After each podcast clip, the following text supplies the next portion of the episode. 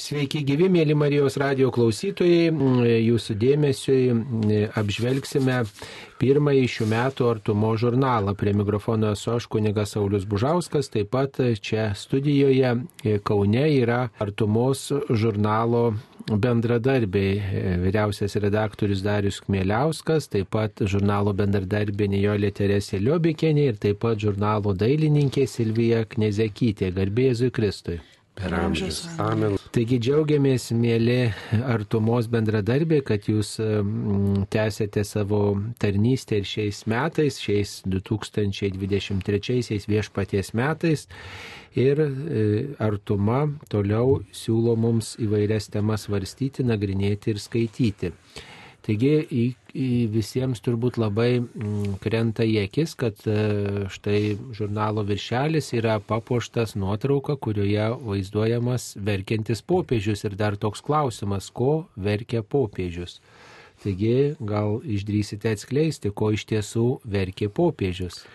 Nu, kunigė Sauliau, kaip ir pats pastebėjai čia ką tik prieš eterį, kad ar e, čia tikrai dėl popiežiaus Benedikto jisai verkė, kas visai galimas daiktas bet e, akilesni stebėtojai, e, kai kurie pastebėjo, kai kurie nelabai pastebėjo, kad e, tą gruodžio 8-ąją įvyko toks labai tikrai jautrus momentas, kai jis atvyko Romo Ispanijos aikštį prie mergelės Marijos statulos pasimelst ir staiga užstrigo jam žodžiai gerklėje ir, ir jis gerą minutę tenai tylėjo ir, ir visi puikiai girdėjo, kaip jisai verkė. Tai na, nėra dažnas dalykas, kad popiežiai viešai imtų ir nesulaikytų savo emocijų ir pravirktų. Taip, iš tiesų, tąsik jisai verkė dėl Ukrainos, dėl karo, dėl, dėl to, kaip, kaip jis paskui susitvardė, sakė, aš norėjau padėkoti čia atvykęs mergeliai Marijai už taiką, o, o štai turiu melstis dėl, dėl kenčiančių.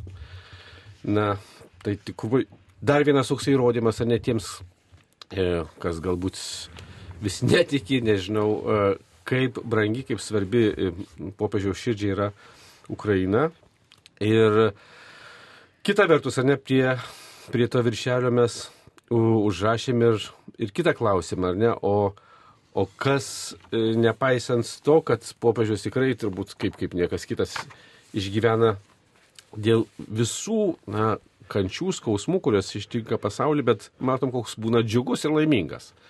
Ir, ir klausimas sikiu, kas jį padaro laimingą, net ir matant ir išgyvenant visus tos sunkumus.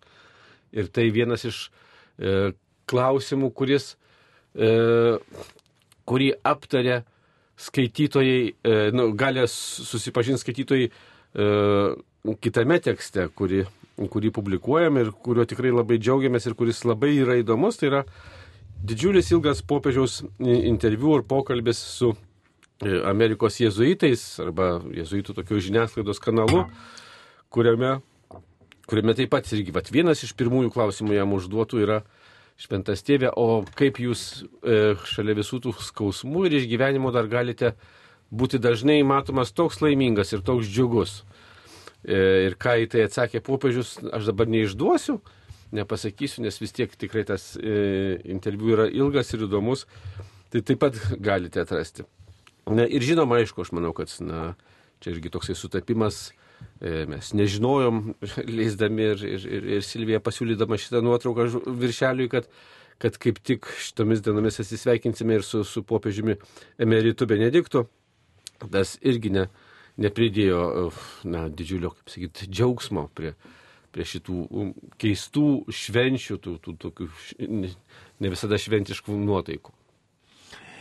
Mėla Nijolė, jūs taip pat esate numerio ir skaitytoja, ir bendradarbė, turbūt svarstanti tas temas, kurios svarbios šeimos e, šeimai, ką pasiūlytumėte šiame numeryje paskaityti šeimos temą. Aš manau, kad pasiūlyčiau visą numerį perskaityti nuo A iki Z. Ar tai įmanoma? Aš manau taip, ypatingai kai žmonės turi laiko, neturi ką veikti, gali skaityti kur nors, laukdami kokių tai paslaugų ar šiaip jau. Todėl, kad e, tas numeris, e, šiaip jau visada yra galimybė atsirinkti. Bet e, šį kartą bent jau aš buvau paprašyta kalbėti tokia tema, kuri visai nešventa, bet kuri yra ypatingai aktuali šiom dienom. Todėl, kad žmonės kažkaip labai, e, matot, mes vis tiek, kai augam, brestam, gyvename, tai dažniausiai turim susiformavę tam tikrus žinojimus, tam tikrus supratimus, kurie ne visada atitinka tiesai. Pavyzdžiui, gali būti, kad mes turime tam tikrus įsitikinimus, kad, pavyzdžiui, kai kurie žmonės niekada negali nusi, nusikalsti kokiam nors nuodėmėm, nes jie jau beveik šventieji ar ne. Ir taip toliau, bet vis dėlto realybė yra tokia, kad visi žmonės, kurie gyvena šioje žemėje gali nusikalsti visomis nuodėmėmis. Ir vienas iš labai skausmingų dalykų, dėl kurių ko gero ne vienas popiežius verkė, tai yra seksualinis išnaudojimas vaikų. Ir dar skaudžiau, kad šiaip jau šita vat, ta bėda arba ta, tas nusikaltimas, pasakyčiau, jisai yra toksai žiaurus, kad kartai žmonėm pritrūksta, reiškia, sužinojus arba įtariant, jiem įsijungia toksai gynybinis mechanizmas Ne, negali būti, nu negali būti, jokių būdų negali būti. Ir šitas gynybinis mechanizmas iš tiesų labai daug padarė žalos, kad labai ilgą laiką tam tikri dalykai, kurie labai skaudų susijęs su, su šitom baisiom nuodėmėm, buvo nutarsi slepiami arba nepripažįstami. Beje, ir dabar, nors pasaulis yra labai seksualizuotas, Ir kartais e, galvojam, kad e, nu, beveik išėjau iš proto ar ne, ir tai, kas buvo, arba kas yra saugusių žmonių dalykas yra pateikiama vaikam, bet čia galbūt jau yra, yra tam tikra, reiškia, kita tema, bet e, tas vats, vaikų išnaudojimas, silpnųjų išnaudojimas, nes, pavyzdžiui, ir moteris gali būti ta silpnoji pusė, kuri yra išnaudojama ir tokių baisių dalykų, kaip, kaip žmonių pardavinėjimas, dėl to, kad gauti pinigus, vaikų pardavinėjimas, vaikų išnaudojimas, jisai vyksta. Ir e, mes turbūt čia mūsų redaktorius turėjo tą iniciatyvą, kad reikia pradėti apie tai kalbėti, jo lab, kad viskupų konferencija Lietuvoje na, išleido tokias gairias, kaip elgtis arba kaip apsaugoti vaikus, arba kaip įtarti, na, žodžiu, arba ką daryti, jeigu taip atsitinka, tai šitą prasme, na, man teko irgi trupučiuką pasinaudojant savo žiniomis rašyti. Da, pratešiau, nes e, taip, ta iniciatyva e, tikrai kilo ne iš mūsų, ta iniciatyva, galima sakyti, na, kilo iš, iš paties šventojo sosto, iš popiežiaus, ar ne, kad, kad na, mes turim labai rimtai apie tai kalbėti. Ir, ir vat, na, čia buvo turbūt minėta ir popiežiui Benediktui iškeliaujant, kad būtent na, e, jam, e, jo pontifikato metu buvo labai pradėta aktyviai, ar ne, veikti na, e, ne tik teisingumo linkme, bet ir prevencinė prasme, ieškoti, ką daryti. Ir tą dar labiau stiprino popiežius Pranciškus. Ne, ir, ir dėl to jisai sušaukė, na, jeigu prisimintumėm, tik grįžęs iš Lietuvos, ar net ta, ta, tai tais metais, tą, tą rudenį, e, sušaukė ir paskui žiemą susirinko 19 metų visų pasaulio viskupų konferencijų pirmininkai ir paskui buvo išleisti dokumentai prašantis, kad nacionaliniu mastu būtų išleidžiamos gairės. Ir tokių gairių mes sulaukėm Lietuvoje. Ir aišku, jos pirmiausia yra skiriamos na, e, dvasininkams arba dirbantiems, e, tarnaujantiems bažnyčioje, bet tuo pačiu ir, ir visai bendruomeniai. Ir šita, e, na, kaip sakyt, dar aktualiau mums pasirodė, nes e, kovos su priekybos žmonėmis e, centro žmonės ir, ir, ir, ir, ir Kristina Mišinė, kuri irgi šitame numeryje dalyvauja ir, ir pristato, pasidalina labai lietuvišką patirtimą, ne? Sako, Taip. mums atrodo, kad ir dažnai Lietuvoje girdim, kad tai yra tolima problema, ne? O jie papasakoja, kad jie, pavyzdžiui, jų centras, kuris ne, nėra didelis centriukas, Praeitais metais net 65 vaikams padėjo, reiškia, vat, kurie dalyvavo tokiam procese ir, ir, ir juos gelbėjo. Tai kai pagalvoju, na tai iš tiesų daugiau negu vienas vaikas per savaitę, jau, jau, jau tokiuose, kur, kur išiškėjo bylose.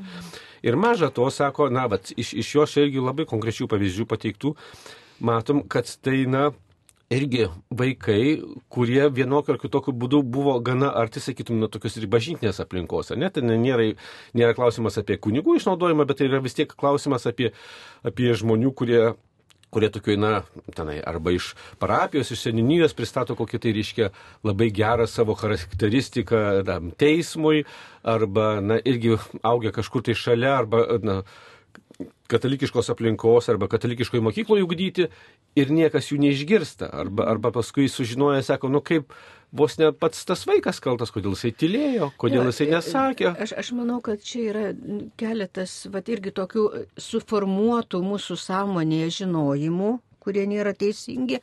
Tai vienas iš tokių, kad tas, kuris skriaudžia vaiką, Tai yra nu kažkoks, nu jau ten jau nusigėręs, jau ten alkoholikas, jau ten kažkoks, o va jau padorų žmonės, aukštojų įsilavinimo arba šiaip jau bažnytiniai žmonės, ir čia nekalbama ne apie, čia aplamai kalbama ne, ne tik apie kunigus, bet tarp kitko ir, ir pasauliečiai yra bažnyčio žmonės, nu tai jau jie jokių būdų negali. Tai yra šita, šita nu tokia klaidinga nuostata labai trukdo.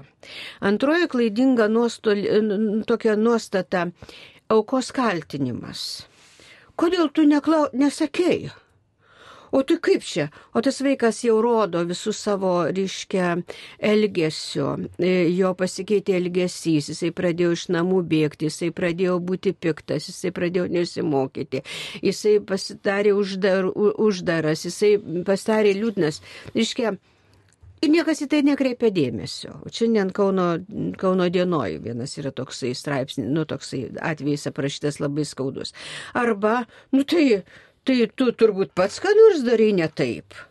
Tai va tas alto, e, nes yra užmirštama, kad tai yra vaikas. Ir kad jeigu jisai ir daro ką nors ne taip kabutėse, tai dažniausiai dėl to, kad jis yra pažeistas, kad jisai jau yra patyręs labai skausmingus išgyvenimus. Bet va šitą, kad tu pirmas dalykas kaltina, kodėl tu nesakėjai, nors vaikas bandė pasakyti, sakė nesąmonė, tu čia įsigalvoji, negali tai būti, ką, tu čia savo galvoji, tu šmeiži ar ne, vienas dalykas, kitas dalykas, iš kur tu ištraukė, tai tu pats kaltas ir taip toliau, tai jie labai trukdo ir, ir dar, dar kartą traumuoja vaiką ir, ir tiesiog tada tokiam vaikui padėti yra ypatingai sunku.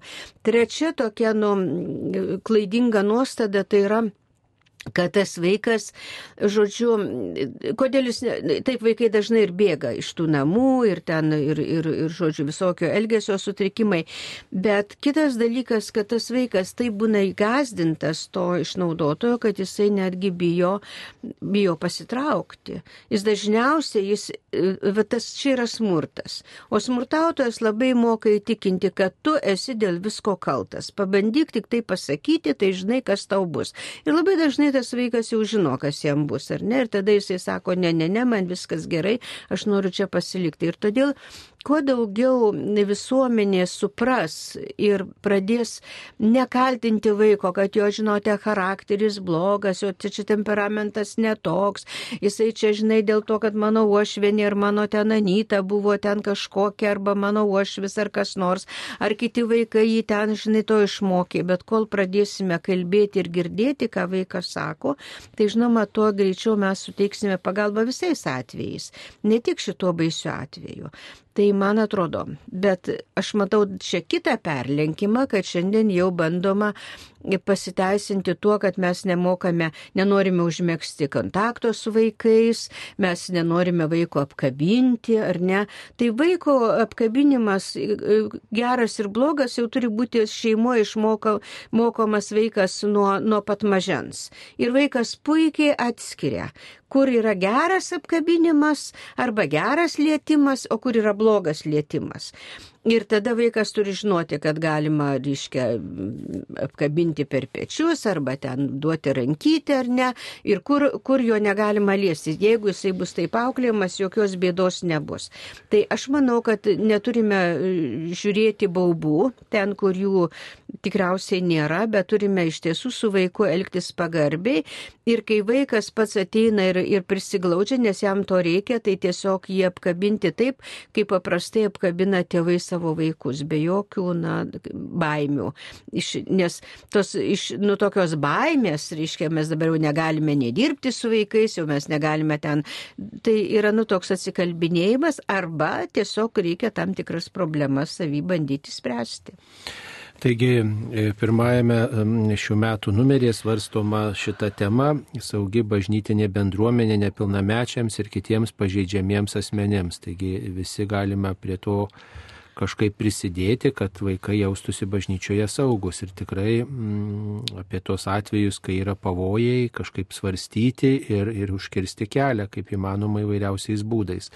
Sakyčiau dar, kad vat, e, e, daktarės Nijolės tekstai būtent ir padeda e, atpažinti, ar ne, kur yra realūs pavojai, nes labai praktiškai sako, kokie ženklai tai gali būti, kad mes tikrai, na, išmoktumėm atpažinti ir būtumėm drąsus e, tą, tą pripažinti, bet ne tam, kad kažką tai va čia kaltintumėm arba, arba inicijuotumėm kokius tai procesus. Tai čia va šita prasme yra, man atrodo, labai svarbus Nijolės tekstai, ne, kad, ir kad jie parodo. Man atrodo, mums... kad čia reikia labai stebėti savo vaiką ir, ir savo ir kitų vaikus, kaip jie jaučiasi, kaip jie elgesi, kaip jie nori ir nenori su kuo nors bendrauti ir tada į tai reaguoti. Ir čia yra ir, ir kiekvieno mūsų uždavinys, žodžiu, irgi pastebėti tam tikrus dalykus. Taip, dar viena tokia labai įdomi ir svarbi tema, kuri aptariama šių metų artumos žurnale, tai yra moteris bažnyčioje. Silvija, jūs jau daug metų esate bažnyčioje ir taip pat e, bendradarbiaujate krikščioniškoje žiniasklaidoje, kaip jums e, ši tema atrodo svarbi, ar, ar čia yra tiesiog toks dirbtinis jos na, kėlimas?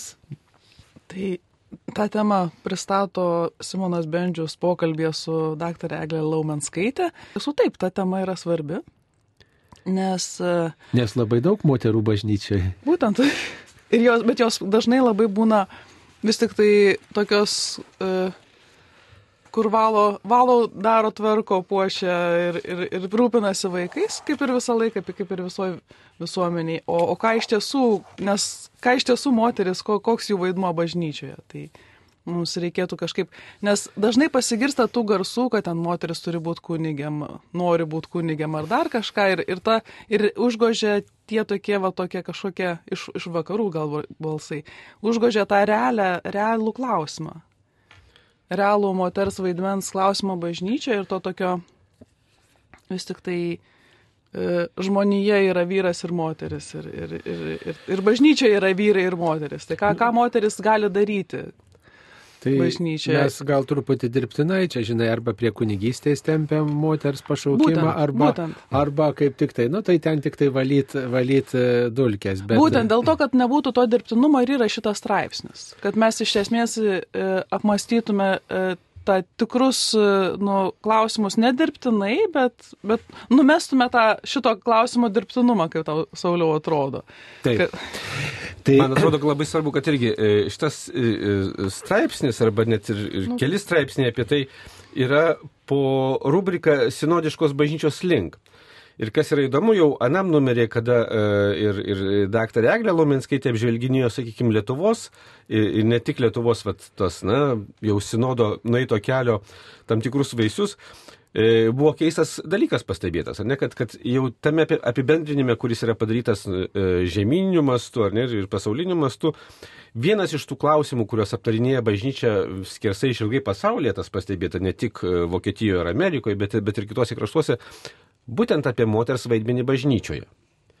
E, ne apie kunigystę. Aišku, kažkas kalbėjo apie kunigystę, bet labai lengva suvesti, kad ai, čia tik tai vat, nu, vat, kraštutinumai, sapaliojimai apie kunigystę.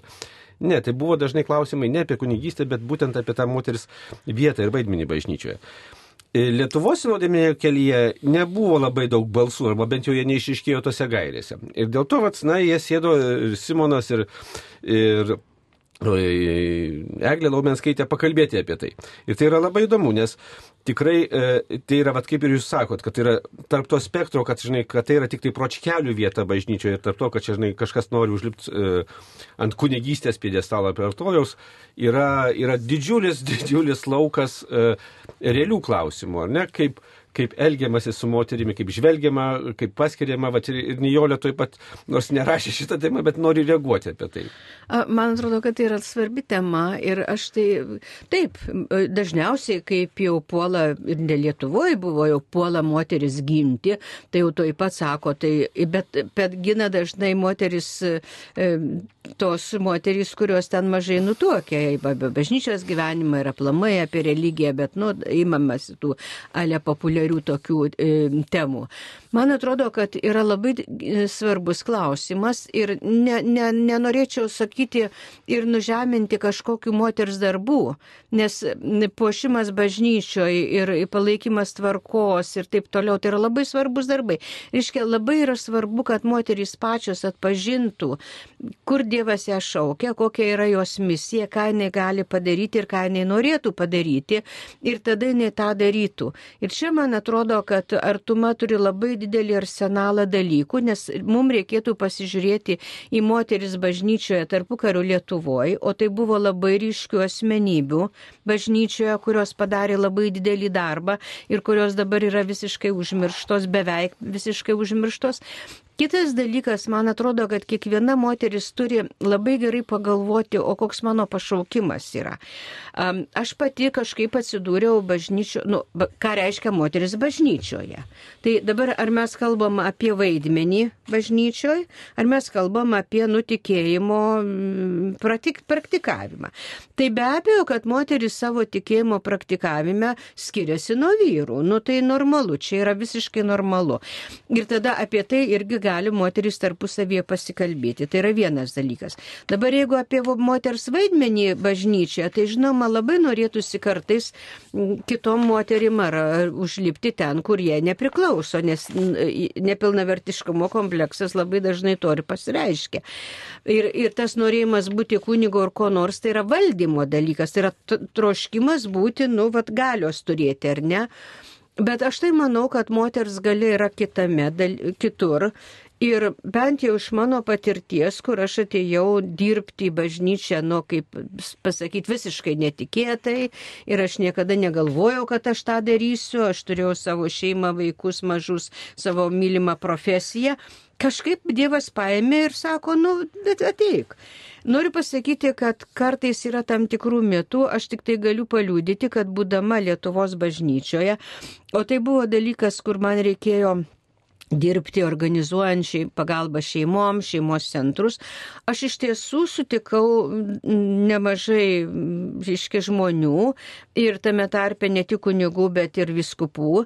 Ir aš tikrai galvoju, kad nežinau, ar kiekvienoje darbovietėje gali būti toksai, e, ar yra, e, gali būti, žinoma, bet e, toks įsiklausimas, pagarba skaitimasis, kaip man teko patirti. Tai aš kaip moteris bažnyčioje visada jaučiausi labai gera, gerai, nes iš tiesų aš žinojau, kad su kuo man reikia pasitarti ir nežinojau, ko reikia pasiklausti. Ir aš buvau labai, nu, tokia pagarbiai priimama ir visada išklausoma ir man stengiam, buvo stengiamasi padėti. Niekad negirdėjau tokio, žinote, nuneigimo, nu tai ką čia jūs daktarė, žinai, ne, ne, ne. Visada sakė, o čia įdomu, žinai, reikėtų daryti, bet dabar kaip daryti, ar ne? Tai aš tai manau, kad čia yra klausimas, kuris trupučiuką irgi, nu toks, kaip pasakyti, keliamas, nes dabar madinga kalbėti apie moters teisės. Aš manau, kad šito klausimu reikia labai kalbėtis tarp moterų, tarp vyrų, tarp bažnyčio žmonių, gal ir ne bažnyčio žmonių ir dalintis. Bet aš kažkaip galvoju, kad yra svarbiausias dalykas, ką moteris turi daryti, tai pažiūrėti, kur jinai, kur be jos jau yra negalima, ar ne, kur, kur jinai yra nu, nepakeičiama, ir, o nepakeičiama jinai labai svarbiuose dalykuose. Nes jeigu mes kalbam apie gimimą vaiko, ar ne, kur jinai nepakeičiama, nu nėra dar kas, kas ten, žinai, nu, yra visokių ten teorijų, bet vis tiek moteris yra čia nepakeičiama, tai mes turime žinoti, kad yra ir dvasinis gimimas. Ir moteris čia gali labai daug pasitarnauti ir iš išklausydama ir mylėdama ir parodydama meilės. Taip kad aš čia kažkaip matyčiau, kad labai džiugiai, džiugiai, džiugiai dalyvaučiau kokio nors diskusijoje, labai džiugiai dalyvaučiau, bet manau, kad čia yra daug mitų, daug tokių neteisingų įsitikinimų ir apie tai reikėtų kalbėti. Dar buvo čia šitam straipsnėje, po šimtam pokalbėje toks klausimas, nu, tiesiog, kad e, šiaip vyrai ir moteris turi truputį kitus požiūrio taškus į tą pačią problemą. Ir dėl to yra gerai, kad moteris irgi dalyvautų įvairiose srityse, pasitariant bažnyčioje, netgi, pavyzdžiui, kokioje kunigų seminarijos sugdyme, kas ko yra per mažai, dėl to, kad vėlgi Nu, jūs tiesiog nežinot, jos dalyvauja. Man teko dirbti kunigų seminarijoje, nu, galiu pasakyti. Aš, aš, aš tikrai nežinau, nes šia, šiaip šito dalyko reikėtų klausti Eglės Lomenskaitės. Jis geriau žino, man atrodo, kaip kas yra, nu. negu aš. Tai, tai tiesiog ir šiaip, ir, ir vėlgi yra tada kyla klausimas, ar, ar tikrai pasauliečiai irgi pakankamai dalyvauja sprendi, nu, tose vat, pasitarimuose, sprendimuose ir jų ir jų, ir jų, ir jų tų tokių, ar jie yra išklausomi ir įvertinami. Nes jeigu mes iš tiesų mes artumoje neteigiam visko kaip žinia, mes nesam tiesos monopolis. Mes nesam bažnyčia vis ta, ta prasme, kad e, ne, net stojam popiežiaus, net stojam viskupų ir net pasakom, kas yra ir kaip turi būti, bet mes iš tiesų svarstom tai, kas yra ir tai, ką girdime Lietuvoje. Tai šitas ir irgi. Lietuvoje. Ir ne tik Lietuvoje. Ir nes vien, vien Lietuvoje mes galim patys užrūkti savyje Lietuvoje, negirdėdami tas, kas vyksta pasaulyje. Ir kai ateis, ateis pas mus tos problemos, kai ateina pasaulyje, mes būsime tokie kaip pabučiuoti ir nežinosime nuo ko imtis. Dėl to mes ir bandom tą tokį, nu, vis tik tai kelti ir svarstyti klausimą. Ir pavyzdžiui, eh, kažkaip, nu, reikėtų įsiklausyti visus tuos balsus, iškart nenurašant jų, kaip ir vaikų nenurašant, kad tu čia ką tu nusišneki, taip ir artumos artumos tokių klausimų nenurašant, kad čia, ai, moterų problema nėra svarbi. Jis yra svarbi. Ir aš, pavyzdžiui, ir aš, sakykime, aš esu tokia gana e, aštraus ir kieto būdo, tai e, galbūt irgi ne per daug esu pajutus bažnyčioje tokį moters nuvertinimą, bet esu pajutus.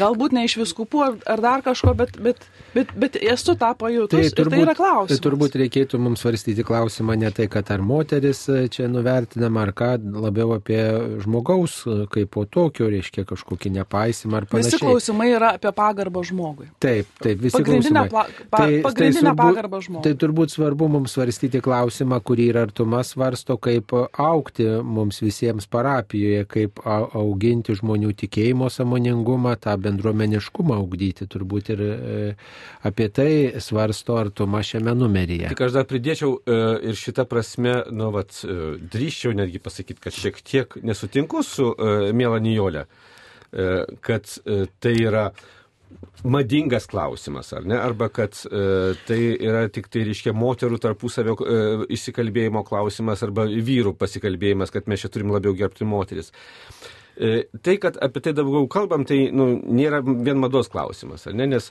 man atrodo, vat, net ir prieš tai einantis tekstas, kur, kur pats popiežius tame didžiajame interviu irgi labai daug kalba ir primena apie, apie, moteris ir primena tą teologiją, ar ne, apie, apie Petrišką bažnyčią, apie Marijos bažnyčią, apie nu, tą, tą e, vaizdą.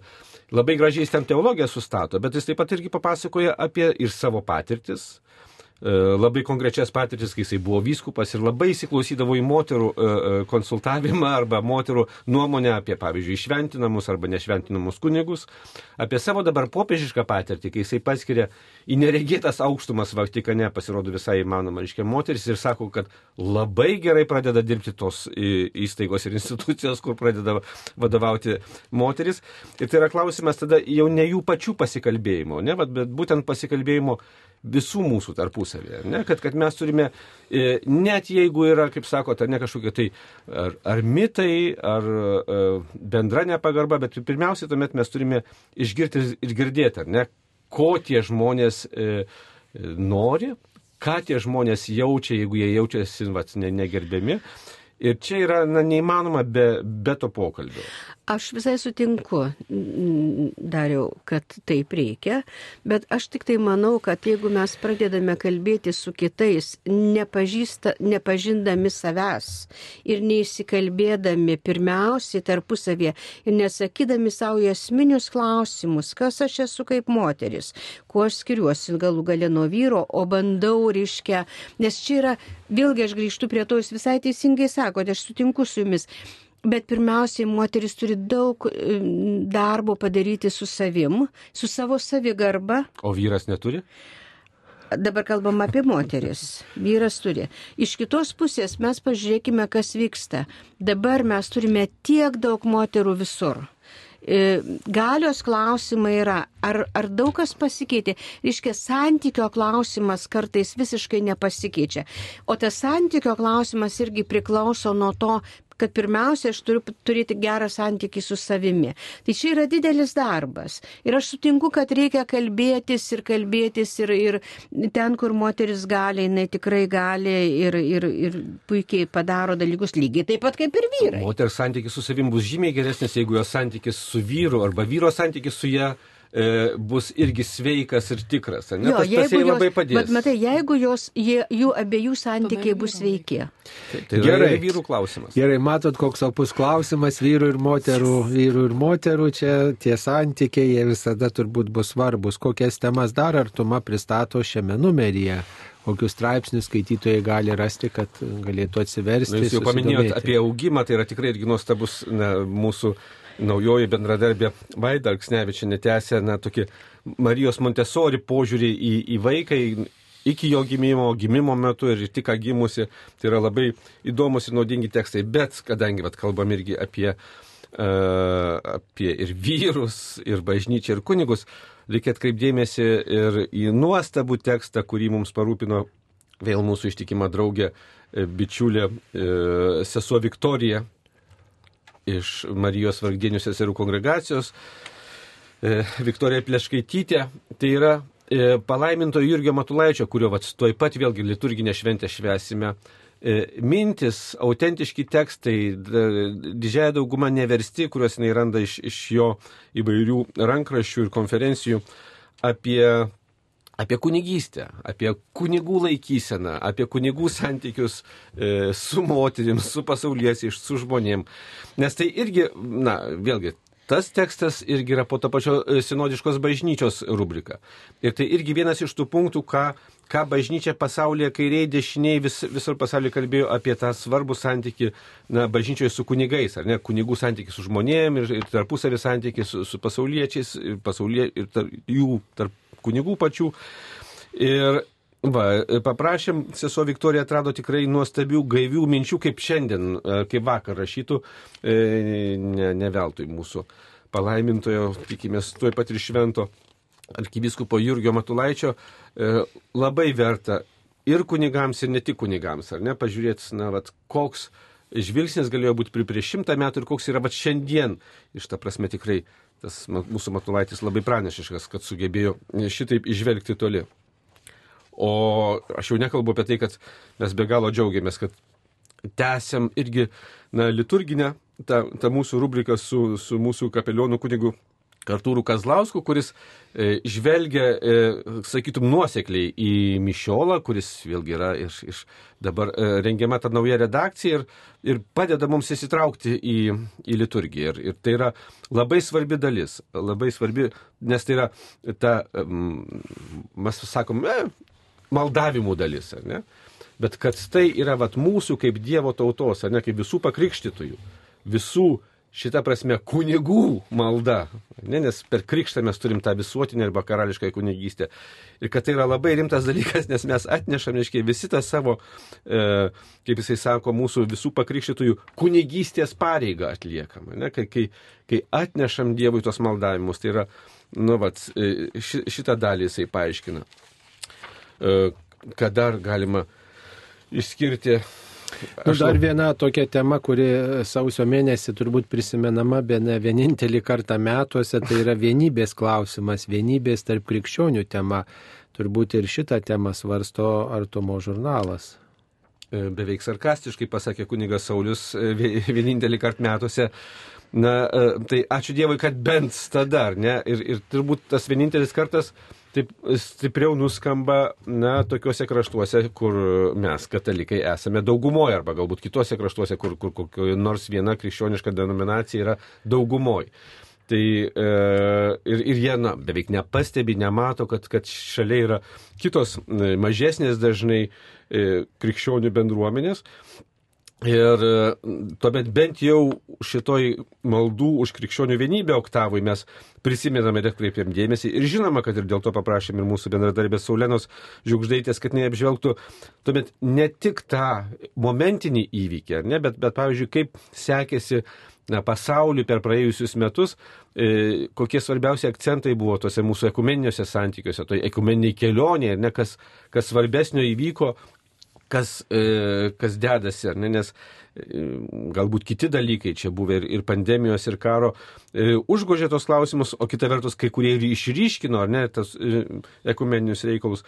Tai Saulėna bent jau trumpai apžvelgia tą tuos, na, vad, vienybės daigus, kaip jinai sako, ne kas, kas šiek tiek galėjo, ir jų visai buvo nemažai praėjusiais metais, jinai randa daug tokių tų daigelių padeigusių, kad e, tie sunkus išgyvenimai, tiesą sakant, būna dažnai ir e, mūsų, na, vadinama, kraujo ekumenystė, ne, kada, kada žmonės tikrai supranta, kad yra e, vienybėje, e, nepaisant to, ar jie bus e, katalikai Romos, ar rytų katalikai, ar ortodoksai, e, bet e, svarbiausia, kad jie turi tą patį tikėjimą. Tai ir, ir šitą prasme turbūt irgi labai smagus, e, nu, smagus, įdomus tekstas apie, apie šventą šeimą. Ne? Mes čia vis irgi tęsėme ciklą šventų šeimų pavyzdžio iš šių laikų, tai yra vat, 20-ojo amžiaus antros pusės. Šeima praėjusiam nuo artimos numerį, jeigu pamenės, buvo tokia šeima iš, iš Japonijos, iš, iš, iš Azijos. Labai graži šeima, o dabar šeima iš, iš Afrikos, 20-ojo amžiaus na, E, pabaigos, galima sakyti, taip, antros pusės šeima e, iš e, Ruandos su toktiniu pora. Tai irgi neišduosiu, bet, bet labai gražus na, meilės triumfo liudytojų, galima sakyti, gyvenimas čia prašytas. Taip, o dar turbūt yra tie tekstai, kurie tokie testiniai tęsiasi iš numerio į numerį, štai užbaigėt kunigo Halik, reiškia, veikalą, kokį dabar pradedate šiame, šiame numeryje? E, šiame numeryje dar didžiulio jokio veikalo nepradedame, dar turime ir šiaip, galima sakyti, kad Na, nežinau, ar mes pradėjom, ar, ar čia yra pirmasis Silvijos mūsų dailininkės e, opusas iš, iš jos slaptosios gyvenimo istorijos, nuslapta ta prasme, kad ją žino tik tai vat, artimieji, tai yra jos hobis, jos e, meilė piragams visokiems. Tai, Silvija... nu, tai apie tai papasakokit, Silvija, kokius piragus reklamuojat e, ar tomoje? Ne, tai tiesiog čia, kadangi mūsų pastovi e, čia draugė ir vyrėja rašy, Vilma ne, nespėjo tiesiog padaryti prieš kalėdinį laikotarpį savo teksto ir recepto, tai tada aš pasiūliau, e, aš pasiūliau, tiksliau sakant, ne aš pasiūliau, bet redakcija įkalbėjo mane, kad parašy kokį nors piragą. Ir man pačiai yra įdomu e, senesni receptai negu dabar šio laikiniai, kur visi įprasti, bet tiesiog pasiknisti močiutės knygose ir atrasti. Tai gal jie nepa, neiškepami šiais laikais? Jie būtent iškepami. Kas įdomiausia, kad... Nu, juk jie... nėra krosnės, kaip anksčiau kaime taip, būdavo, taip. tai kaip iškepti? Kaip kuriems trūksta krosnės, kaip kuriems e, aš suprantu, kad man norėtųsi duonkepę turėti krosnį, kad galėčiau iškepti kai kuriuos piragus, bet yra piragų 20-ojo amžiaus pradžioje, kurie labai puikiai kepami mūsų orkaitėse ir tokį suteikia naują skonį, tokį netikėtą, kad mūsų proseneliai irgi galėjo šventėms pasidaryti labai skanių piragų. Tai jiems tai, skanus, o mums gal jau bus atrodys tokie prieski. Mm. Nu, Sauliau, kai, kada, kai, kai kepsiu atnešiu kada nors į Marijos radiją šitą piragą. Lauksim, čia yra toksai slyvų piragas, kuris e, iš pradžių tai pagal receptą galvau, kad gal bus šiek tiek panašus į nomedo saldainį. Nes yra didelis sluoksnis džiovintų slyvų su riešutais jame, bet jisai, e, jisai gavosi daug toksai e, gerokai kitokio skonio, nes tas marmaladas, kuris iš slyvų, jisai yra dar ir su vynu. Aišku, tas vynas išgaruoja, to vyno nėra daug, bet vynas suteikia, raudonas vynas suteikia savo skonį. Ir gaunasi toksai labai įdomus prabangus piragas, galbūt jo, vienintelė jo bėda, kad jame reikia daug baltymų, bet nereikia trinių. Ir aš jį atradau kažkada, e, kepdama irgi iš tų pačių laikų bobą senovinę, kuriai reikėjo daug trinių, bet nereikėjo baltymų. Tai čia toks du piragai viename, bet kadangi bobos jau yra sudėtingesnis kaip piragas, reikia vis tiek nežinau, tiesiog nedrįsau pasiūlyti skaitytojams, bet kada nors gal per Velykas irgi. Dėl pavadinimo gal čia kalbėjom, dėl tam tikrų sąsajų Ne, ne. gali būti. Boba tai yra lietuviškas toks, jūs žinot, yra mėlynis piragas, dabar visi, dabar visi prieš kalėdas perkasi panetonas, džiaugiasi ir galvoja, kad tik italai vieni jas kepa, bet iš tiesų Lietuvoje 20 amžiaus pradžioje per Velykas būdavo bobos, kurios buvo ne ką prastesnės negu panetonės. Čia nieko neturi bendro su moterim, čia yra piragai. Čia reikėtų dar įrodyti.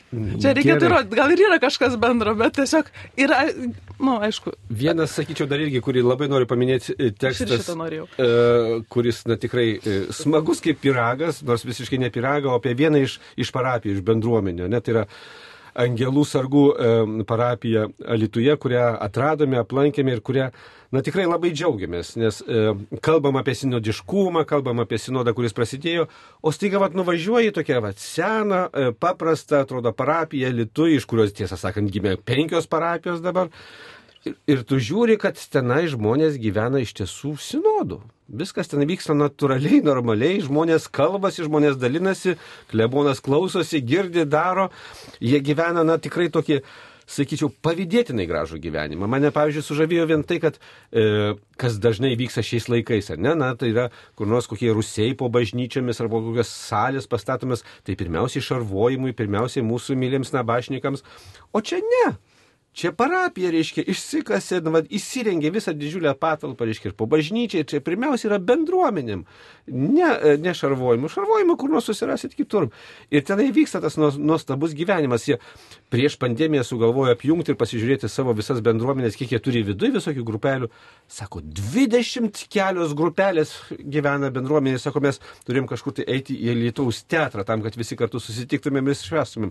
Tai yra žavinga, nuostabi, paprasta visai, bet, bet tikrai sinodiška parapija vidury Lietuvos. Nu, arba pietų Lietuvoje. Taigi, mėly Marijos radio klausytojai, šioje laidoje girdėjote Artumos šių metų pirmojo numerio pristatymą. Kviečiame skaityti, domėtis ir palaikyti krikščionišką žiniasklaidą. Šioje laidoje dalyvavo Artumo žurnalo vyriausias redaktorius Darius Kmiliauskas, taip pat numerio bendradarbė Nijolė Teresė Liobikinė ir numerio dailininkė, žurnalo dailininkė Silvija Knezekytė. Visiems gražaus skaitimo. Ačiū sudė. Ačiū sudėjau. Sudėjau.